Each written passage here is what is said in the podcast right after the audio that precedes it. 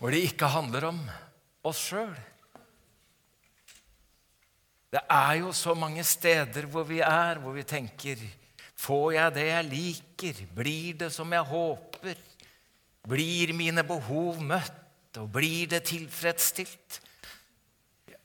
Jeg trenger et sånt hus, jeg trenger et sånt rom, hvor jeg går inn og vet at det er større enn meg, og så kalibreres hjertet, sånn at det gis retning inn i neste uke. Og når du gjør dette uke etter uke, så kan du risikere å holdes på sporet gjennom livet og tenke at tilbedelsen er, Av og til kommer det folk til meg og sier at 'jeg liker ikke lovsangen'.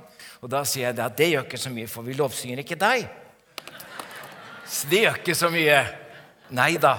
Eh, men, men, og det er ikke så viktig at vi liker heller. Men vi trenger det. Vi trenger bare rett og slett å sette fokus et annet sted hjerte, sinn og tenke dette handler ikke om hvem jeg synger med, eller hvordan jeg synger, eller om vi synger. Men det handler om Han vi tilber. Jeg tror rett og slett at jeg ikke er from nok til å klare meg uten gudstjenester. Takk for at jeg fikk komme tilbake. Eh, at dere tar sjansen. Det, det, må jeg si. Jeg var her 8. mars 2020, og 12. mars var alt stengt. Takk av all skylda, men eh, takk for at jeg fikk komme tilbake. Vi har jo hatt en sånn familiær tilknytning til Porsgrunn gjennom et langt liv, og dermed til byen, men også ikke minst til evangeliuset. Så det å komme hit er alltid spesielt både for Turi og meg, så tusen takk for at vi fikk være med denne formiddagen. Det er jo greit å begynne med litt reklame. Eh, så er det sånn at vi lager vi i TV Inter lager for YouTube eh, noe som vi kaller plussprat, som er en litt lengre samtale på sånn 25 minutter, kanskje. Eh, som er en samtale om livs- og troshistorie. Med mennesker som har noe å fortelle, noe som erfart og levd. Og det gjør vi for at folk skal ha glede av å se det. Og så tenker vi at det er et verktøy hvor man kan dele det med andre. Ulike historier hvor man kan bruke som samtalegrunnlag eller anbefale til noen som kanskje hadde hjelp av akkurat den episoden. Eh, vi legger ut ca. hver 14. dag, og i dag, eh, nå klokka ti, la vi ut en, eh, et intervju, en samtale med Rolf, Kjell Ingolf Ropstad, som er gjort ikke så veldig lenge etter at han gikk av, men av ulike årsaker så måtte vi holde den igjen. Men den er lagt ut nå klokka ti, eh, og det handler om hvordan det var å stå i stormen eh, i de dagene hvor liksom alt skjedde. Hva skjedde på innsiden av Kjell Ingolf Ropstad når eh, det skjedde? Og jeg syns det er fint å høre han så ærlig ta ansvar, også dele med hvordan det er å stå midt oppi det når det stormer. Så det fins på YouTube. Noen av dere har fulgt med oss på plussord. Vi vi er nå inne i det tredje året hvor det er et daglig plussord på ett minutt. Vi gjør en oppsummering hver søndag eh, hvor det blir en fem-seks minutter. Og så er det et nytt tema hver uke. Vi begynte eh, at jeg gjorde det første året alene. Og så har jeg heldigvis fått delt både gleden og ansvaret med etter hvert med Sunniva Gylver, som er prest i Oslo, Lisa Børud og Andreas Hegertun. Så dette er hver dag på Instagram og Facebook. Og Så spurte forlaget om eh, de kunne få lage eh, andagsbok av det første året med mine tekster. Eh, for da sier du da behøver du jo bare å beskrive 50 nye, sånn at alle dagene i uka blir like. Sånn at det kan bli en andagsbok med 52 temaer og med 365 andakter. Og det har jeg da gjort, og er veldig glad for den. For folk er glad for å få den, men de er også glad for å gi den bort. Og mange lurer på hvorfor det er hull i permen. De vet jo ikke hvor dyre sånne permer er. Så kom det en kar løpende og sa at 'nå har jeg skjønt det'. Jeg har skjønt det. For da kom han gående til meg med boka og så med en kaffekopp oppi der. Så det er jo der den skal stå. Og så sa han jeg drikker kaffe hver morgen. Og når kaffekoppen min står der, så minnes jeg på at siden jeg først drikker kaffe hver morgen, så kan jeg jo også lese et ord. Så for han var det en hjelp. Jeg tok med meg noen. De ligger der nede i to utgaver. En med myk og en med stiv perm. Sånn, nå skal vi preke. Eh, jeg spurte Trond når vi hadde kontakt om denne søndagen. Eh, han sier du er helt fri til å preke det som ligger deg på hjertet. Så spør jeg hva holder dere på med? Og så sier han at vi er da inne i en serie som vi kaller Lang lydighet, eh, og hvor vi tar for oss festreisesalmene basert på boka, egentlig, til Eugene Peterson, han som har laget denne message-oversettelsen av Bibelen. og startet for 30 år siden, mer enn 30 år siden med å skrive en kommentar til hver av festreisesalmene. Salmene fra 120 til 134. Disse store salmene som de sang og ba på vei opp til Jerusalem. Jeg sier 'opp til Jerusalem', for der er det høyt. Ca. 1200 meter over havet, og det kan være tungt å gå. I varmen og i støvet. og Derfor er det rart at det kalles festreiser, for reisen kunne jo ikke alltid være en fest. Men det var jo selve målet for reisen som var festen. Og det er klart at når du har et fest som mål, da påvirker det de reisende. Og så synger de, og så ber de disse salmene fra 120 til 134. Og Trond sier til meg at vi har fordelt alle salmene, eh, bortsett fra to. Og Den ene er Salme 128, og så er det en overskrift eller et ord for hver av disse salmene. Eh, og Han sa det er jo ikke helt kronologisk, da, for 128 er, vi er ikke kommet dit. Men vil du ta en av de, så er det greit. Og Da har jeg tatt Salme 128 og tenkte å lese den sammen med dere. Vi leser Jesu navn, og så leser vi høyt. Salig er den som frykter Herren og går på hans veier. Du får nyte frukten av ditt strev. Salig er du, det skal gå deg vel. Din kone er som en fruktbar vinstokk inne i ditt hus. Barna er som unge oliventrær rundt bordet. Ja, slik blir en mann velsignet når han frykter Herren. Herren velsigne deg fra Sion så du får nyte Jerusalems lykke alle dine dager. Måtte du se barn av dine barn, fred over Jerusalem, eller over Israel. Og Jeg skjønner godt at det var ingen som hadde tatt denne salmen. Nei da. Men Eugene Peterson han har også satt et nøkkelord over hver av salmene. Og nøkkelordet over denne salmen som vi nå har lest, eh, har han kalt lykke. Vi leste om salig, vi leste om velsignet, og vi leste om lykke. Og lykke er da et av nøkkelordene inn i denne salmen. Så jeg har lyst til å begynne med å si noe av det som gjør dette litt sånn ambivalent for meg når jeg hører ordet lykke, for da er det liksom ikke sånn med en gang Yes! Men det er litt sånn ja. Så jeg tenkte å si litt om noe som vi i Norge gjerne omtaler som sykt lykkelig. Tenk, forresten, tenk på eh, hvor vanskelig det må være å komme fra et annet land med et annet språk og lære seg norsk. Fordi at det er jo ikke liksom bare ett ord du skal lære, men du skal lære en sammenstilling som kan være ganske krevende. Altså, Hvis noe er skitgodt, hvis noe er dritbra, hvis noe er dødskult For folk som ikke kan språket vårt, de lurer på hva er dette. Er det døds, eller er det kult? Er det drit, eller er det bra? Hva er dette? Og vi da drar til med å si at dette er sykt bra, eller det er sinnssykt bra, så bare tenker de hva er dette for noen ting? Og det er den refleksjonen som jeg tenkte jeg skulle ta deg inn i i dette temaet. Hva legger du i ordet lykke? Du vet at Nå er det overskriften over denne salmen, satt av Eugene Peterson. Og så spør jeg hva er det da som kan gjøre deg lykkelig? Det er jo nå vi skulle hatt samtalegruppene. Det får vi ta i de små fellesskapene. Men eh, her har du noe å tenke på. Lykkelandet, det er jo som regel bare eventyr. Det er det man drømmer om. Det er det som skjer et helt annet sted i en helt annen tid. Men veldig mange rundt omkring i verden tenker at nordmenn de bor jo i det lykkelandet. Og for dem er det ikke et eventyr. Nei, for oss er det å bo i dette landet en virkelighet. Og hvordan vet vi det? Jo, det er jo at eh, rett og slett eh, At det kåres jo år etter år. Er seriøst. Det er eh, FN-støttede World Happiness Report, altså verdens lykkerapport, kommer jo hvert år. Hvor man har satt opp noen sånne ingredienser eller noen, noen greier som gjør at man kan måle folks følelse og opplevelse av lykke. Og så måler man dette over hele verden.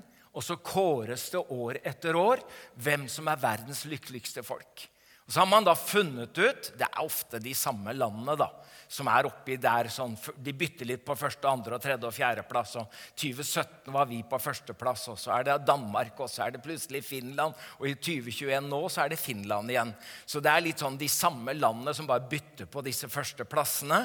Men det man altså gjør, en, man setter noen sånne standarder for å måle folks opplevelse av lykke. Så vi er altså år etter år på toppen av disse målingene som verdens lykkeligste folk i verdens lykkeligste land. Og veldig mye går veldig bra.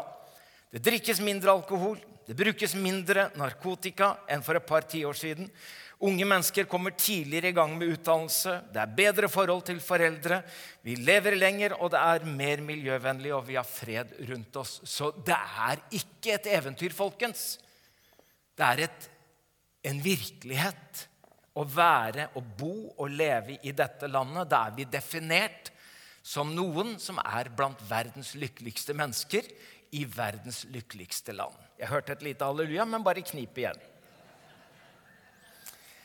Da blir det en slags merkelig kontrast at vi som ligger på verdenstoppen, ligger på europatoppen i bruk av lykkepiller. Det er en slags sånn merkelig greie. Nå skal det sies at det heter ikke lykkepille lenger.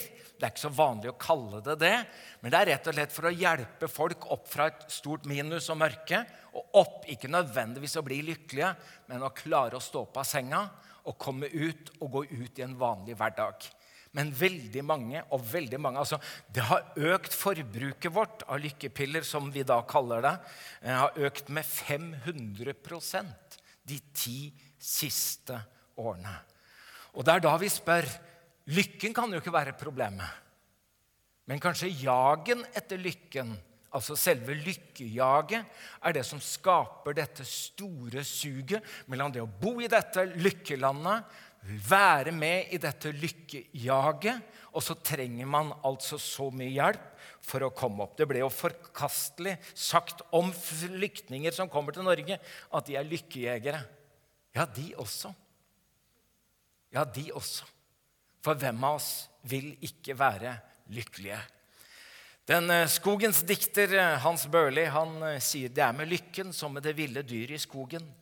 Det blir tillitsfullt og nærmer seg leirplassen din når du ikke lenger jager etter det. Kanskje hemmeligheten ligger i salmen, at det er ikke lykken du jager, men det er lykken du får. Det er lykken du får. Vi kjenner den svenske aftenbønnen 'Gud som haver, barnen kjær'. Se til meg som liten er. Vart jeg meg i verden vender, står min lykka i Guds hender. Lykkan kommer, lykkan går. Du forbliver Fader vår. Og Jeg tenkte vi kunne bruke de tre siste setningene som en slags sånn hjelp igjennom denne tematikken. Lykken som kommer, lykken som går, og lykken som består. Henger dere med, folkens? Lykke som kommer. Da må vi jo spørre hvorfor kommer den, og hvor kommer den fra? Og Det finner vi jo da uttrykt i denne salmen. Salig er den som frykter Herren, og som går på hans veier. Det der med Guds frykt, eller å frykte Herren, det er ikke et ord og uttrykk som vi er så veldig godt kjent med i dag. For det høres litt skremmende ut. Ja, så skal vi være redd for Gud. Guds frykt. Ærefrykt.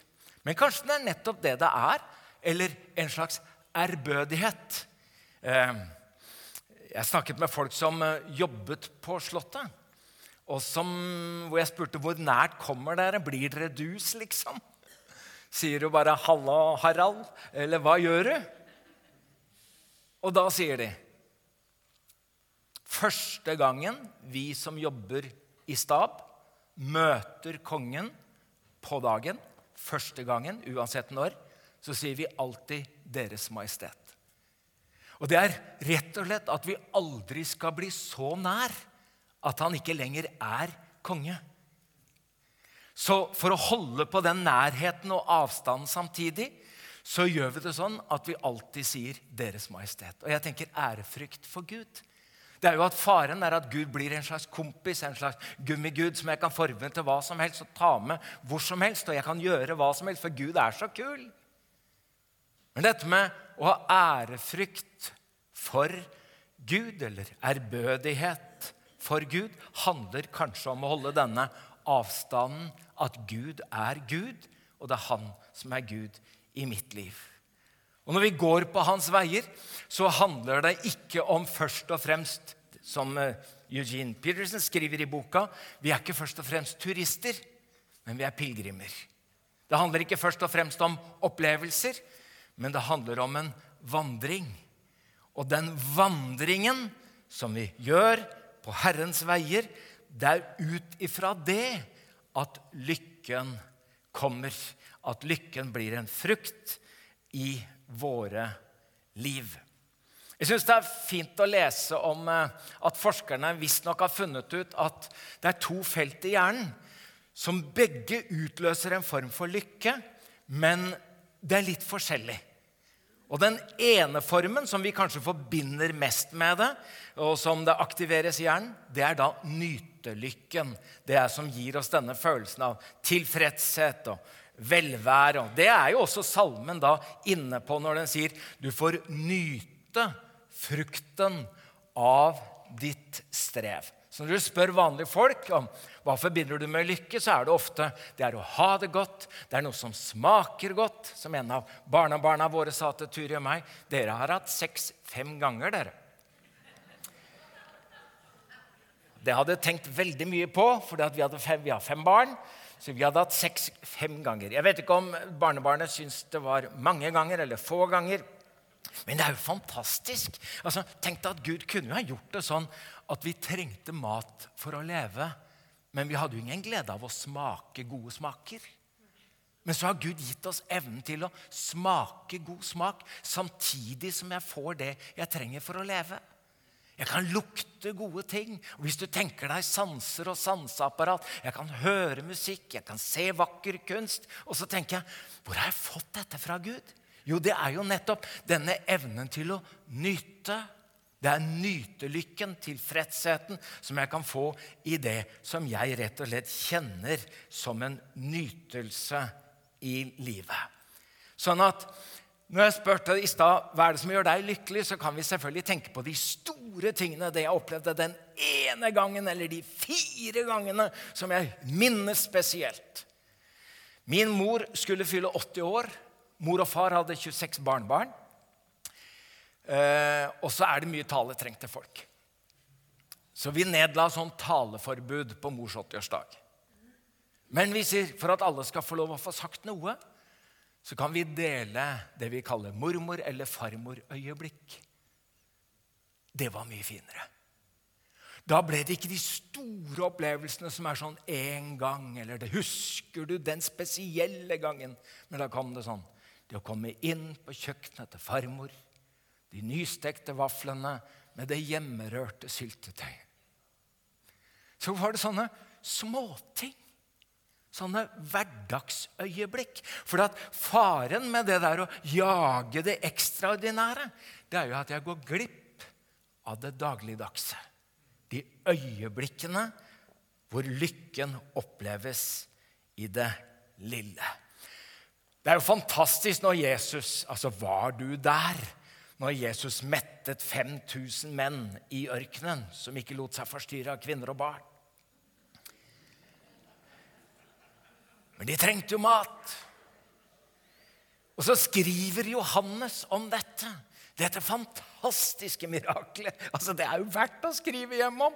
Og så skriver han Jesus sa, 'La folket sette seg.' Det var mye gress på stedet. Det må være Bibelens minst viktigste vers. Johannes. Jesus metter 5000 menn foruten kvinner og barn. Det er et mirakel som er hinsides all sunn fornuft. Og du er opptatt av at det var mye gress der. Det var bare tanken på Han ba dem ikke sette seg ned i søla. Jeg la merke til at det var grønt og friskt og rent der han ba dem å sette seg. Så tenker jeg kanskje det er de derre Johannes-observasjonene. Og jeg legger merke til det som kanskje ikke er hovedgreia, men allikevel gir meg denne tilfredsheten av å se og kjenne. Han ble jo spurt om, eh, han typen eh, Hva ville du gjort hvis du fikk leve livet ditt om igjen? Og så svarer han da ville jeg begynt å gå barbeint tidligere på våren. Og så ville jeg holdt på litt lenger utover høsten.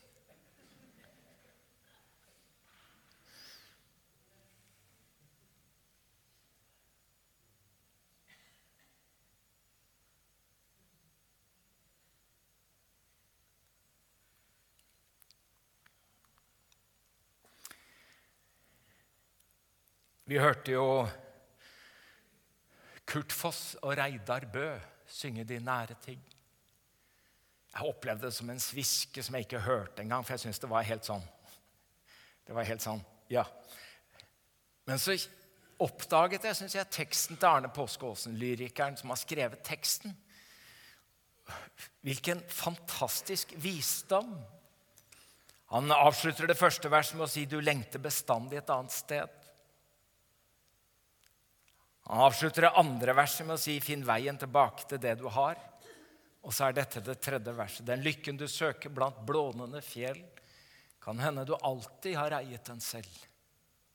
Du skal ikke jage i hvileløs ring, men lær deg å elske de nære ting. Kanskje lykken er nærmere enn du tror, og kanskje øyeblikk av lykke er mer tilgjengelig enn du hadde husket.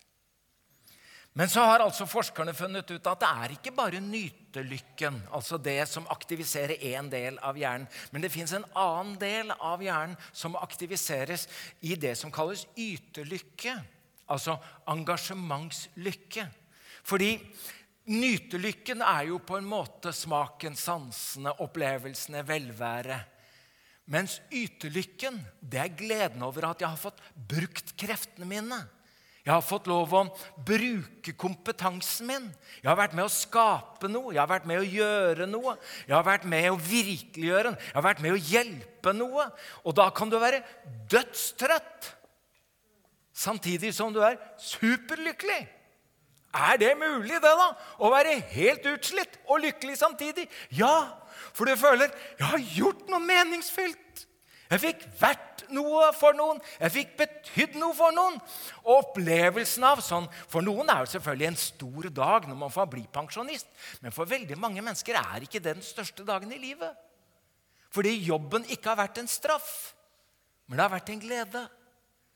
Jeg får lov å bruke det jeg har fått. Jeg får bruke gavene mine. Jeg får lov å holde på med noe som betyr noe for noen. Det er jo fantastisk at det finnes en type lykke. Og da er det jo ikke sånn 'Hvor får jeg den beste maten?' Nei, da blir du så lykkelig av og til at du glemmer å spise. Og da må noen si til deg 'Husk på at du må sove også', da. Så du kan glemme både å spise og sove bare fordi du er så lykkelig over å gjøre noe som du trives så godt med, og som betyr noe så mye for folk. Mange av dere tror jeg kjente eh, eh, Carl Hykkerud. Dette er sikkert en fortelling jeg har hørt av Øystein. Øystein Rambekk. Eh, Carl Hykkerud eh, kommer altså fra eh, Hjartdal i Telemark. Og så er det sånn at Han ble koblet på Alma Halse og barnehjemmet i Alta. Og så kommer jo krigen, og alt blir brent. Og barna blir spredt, og arbeiderne er spredt. Og så kjenner jo Carl på disse at han vil reise opp til Alta. Og så vil han hjelpe Alma Halse med å gjenreise barnehjemmet og prøve å få det til. Hele Finnmark er jo bare en eneste stor ruin. Og hver gang han kommer tilbake, etter hvert så blir det fra Hjartdal til Skien, så spør jo folka Hvordan i all verden, Carl, kan du trives i Finnmark? Hvordan kan du trives i Finnmark? Det var det store spørsmålet hver gang han kom hjem på besøk. Og så sier altså Carl Hykker, 'Hvem har sagt at jeg reiste til Finnmark for å trives?' Jeg synes Det er et fantastisk perspektiv. Fordi mantraet i våre dager er jo dette at det viktigste i livet er at du er lykkelig. Men hvis det bare handler om nytelykke, så vil den lykken være ganske skjør. Men du bør altså ikke trives nødvendigvis. Det er ikke nødvendigvis at du opplever nytelykken mens du holder på heller, men du syns du er med på noe stort. Du syns du er med og gjør noe viktig. Du syns at du er med og betyr en forskjell. Han ledet Philadelphia pinsemenigheten i Alta i 20 år. Han var med som kommunepolitiker i mange år og fikk en stor betydning både for barnehjemmet og for menigheten, men også for hele Alta og Finnmark. Ære være og fred over Carl Hykkerud. Alltid, sier Paul, eller har jeg holdt fram, for dere at vi må arbeide på denne måten og ta oss av de svake. Husk de ordene Herren Jesus selv sa. Det er Jeg hørte ikke riktig. Det er Nyte lykke og yte lykke. Noen ord om lykken som går. Det heter seg jo i eventyrene at de levde lykkelig alle sine dager. Og det foregår bare i eventyrene. Vi får barn, kaller lille jenta for Lykke og synger 'Da Lykke liten kom til verden'. Det gir iallfall håp om at de skal oppleve lykke. Noen sier at de er lykkelig gift. Er vi det, Turi? Det har jeg lurt mye på. Er vi egentlig lykkelig gift?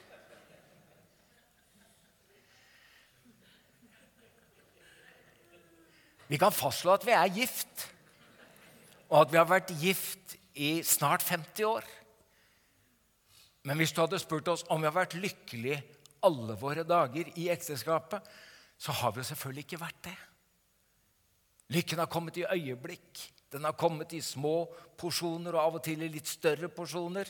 Men å være lykkelig gift, da må i tilfelle lykken være at jeg er gift med den jeg ville dele gode onde dager med.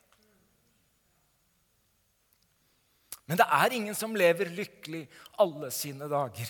For det vi opplever, det er at lykken kommer, og lykken går.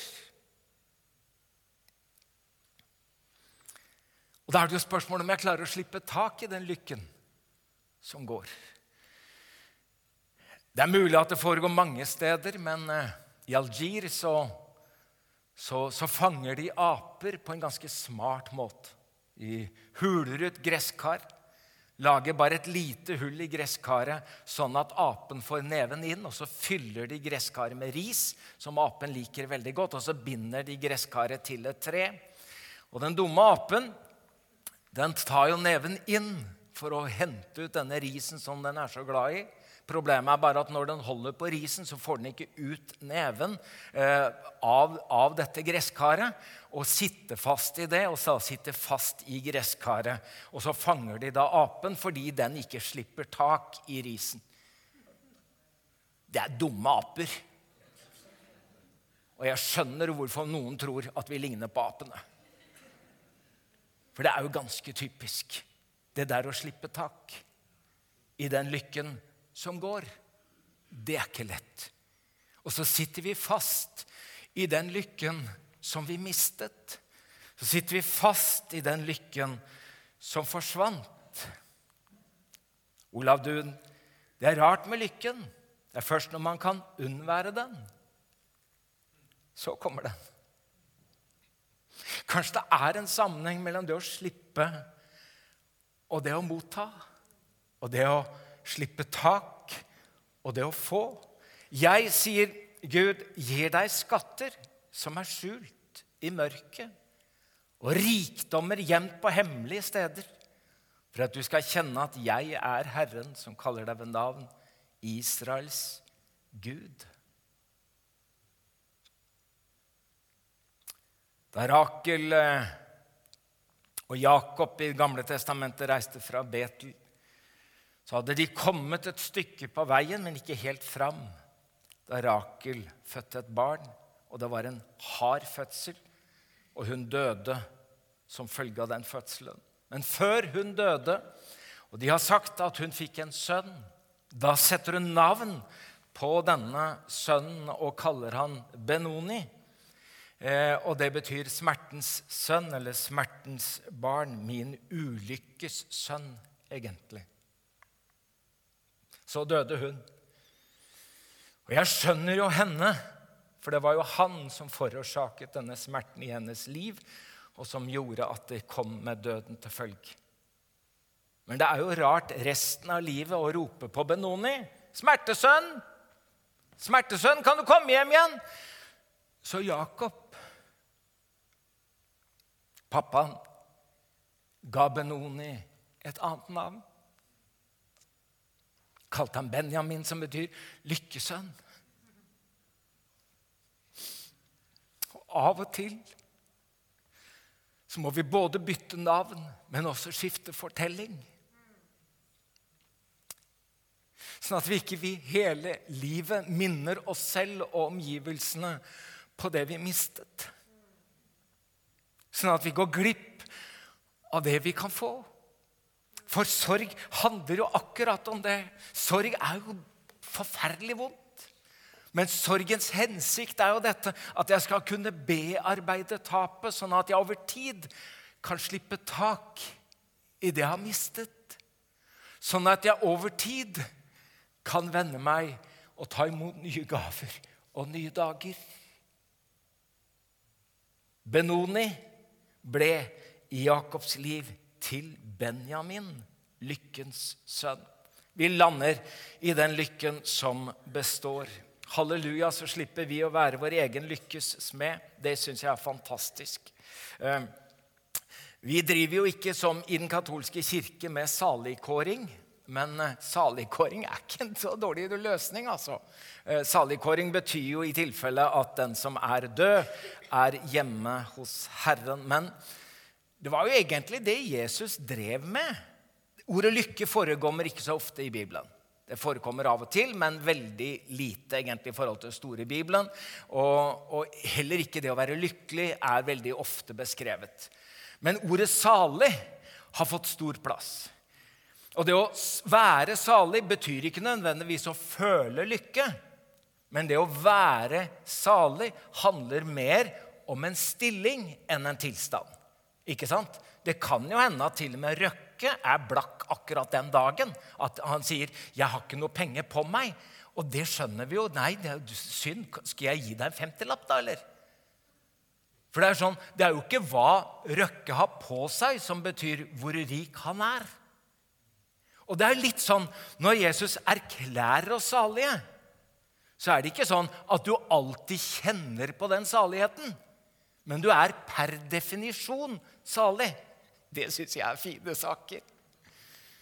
Derfor eh, Nå har jeg blanda litt på tekstene, ser jeg. Men da må jeg ta dere med til Matteus 5, hvor Jesus sier dette i saligprisningene i bergprekenen. Salige er de som er fattige i ånden. Salige er de som tørster, og salige er de som hungrer. Og salige er de som blir forfulgt og salig er dere når de for min skyld håner og forfølger dere. For himmelriket er deres. Det syns jeg er fantastisk. Altså, det, er sånn, det er nesten sånn Det er uansett hva du føler. Det er uansett hvordan du har det nå. Det er uansett hvordan du kjenner enten den ene eller andre følelsen, så er det sånn at du er erklært salig. Hvorfor det? Fordi Himmelriket er ditt. Og det er den saligheten, når det går opp for oss hvor rike vi er, og hva Gud har gitt oss. Derfor så skriver man i denne salmen dere er velsignet. Du har fått velsignelsen, og Gud har velsignet deg. Nå må vi jo lese denne teksten litt i lys av den jødiske tradisjonen og deres verden. Og det var jo selvfølgelig at lykken består i å ha en fruktbar kone som kunne få barn. Og Av alle barna hun fødte, så var det viktigste at hun fikk sønner. Og da var det jo sånn at De hadde ikke Nav på den tiden, så skulle du ha et godt Nav når du ble gammel, så måtte du ha mange barn, og helst mange sønner. Så lykken ble beskrevet som en fruktbar kone som fødte deg mange barn. Og hvis du da opplevde på toppen av det at du kunne få barnebarn, det er jo fantastisk. Så får vi ta dette litt inn i vår verden og vår virkelighet. Så syns jeg det er noe fantastisk at lykken ikke beskriver et hus. At lykken ikke beskriver ting, men at lykken beskriver mennesker. Og at de menneskene ikke fins langt bort, men at de er nær. Og at de fruktbringende og livgivende relasjonene i livet, det er de som over tid gir deg den lykken som består. Og så er det noe som kommer, og så er det noe som går, og så er det noe som består. Og det som består, er de relasjonene som vi får lov å leve i og dele gjennom livet. Din kone er som en fruktbar vinstokk i ditt hus. Så tenkte jeg at jeg skulle avslutte med det bibelverset som jeg hadde lagt på feil sted, og som jeg tenkte at jeg likevel ville dele med dere. Helt til slutt den gleden og lykken som består. Vi begynte jo med at salig er den som eh, frykter Herren, og som vandrer på hans veier. Og da er det jo Paulus som skriver til oss og sier, 'Gled dere alltid i Herren. Igjen vil jeg si dere, gled dere.' Og så tenker man at hvis det var en annen enn Paulus som var i en annen situasjon enn han, så hadde vi reagert. Og så tenker vi, Paulus, det du har opplevd av lidelse i livet, det er mye. Og der du er nå, hvor du skriver dette, der ville ikke jeg vært. Og nettopp fordi at du har opplevd så mye vondt, og er der du er i fangenskap, så tenker jeg Du har opplevd en kilde hvor alle dører er stengt, så er det én dør ingen kunne stenge. Og det er den åpnede døren til å leve med Herren Jesus Kristus og glede seg i hvem han er, i hva han har gjort, og hva han har gitt, og hvem han er i mitt liv. Så jeg har bare lyst til å si det til deg. Jeg aner ikke hva du har opplevd, jeg vet ikke hva du har gjennomgått, jeg vet ikke hva du har mistet. Men skal du oppleve lykken ved å vandre på hans veier, så vil den største lykken som består, og som ingen noen gang kan ta fra deg, være gleden i Herren. Og det er akkurat det som eh, moder Teresa ble spurt om. Hun lurte på har du funnet en nøkkel til lykken. Og så sier mor Teresa det finnes ingen nøkkel til lykke. Døra står alltid åpen. Det er vakkert sagt. Kan vi takke Jesus sammen?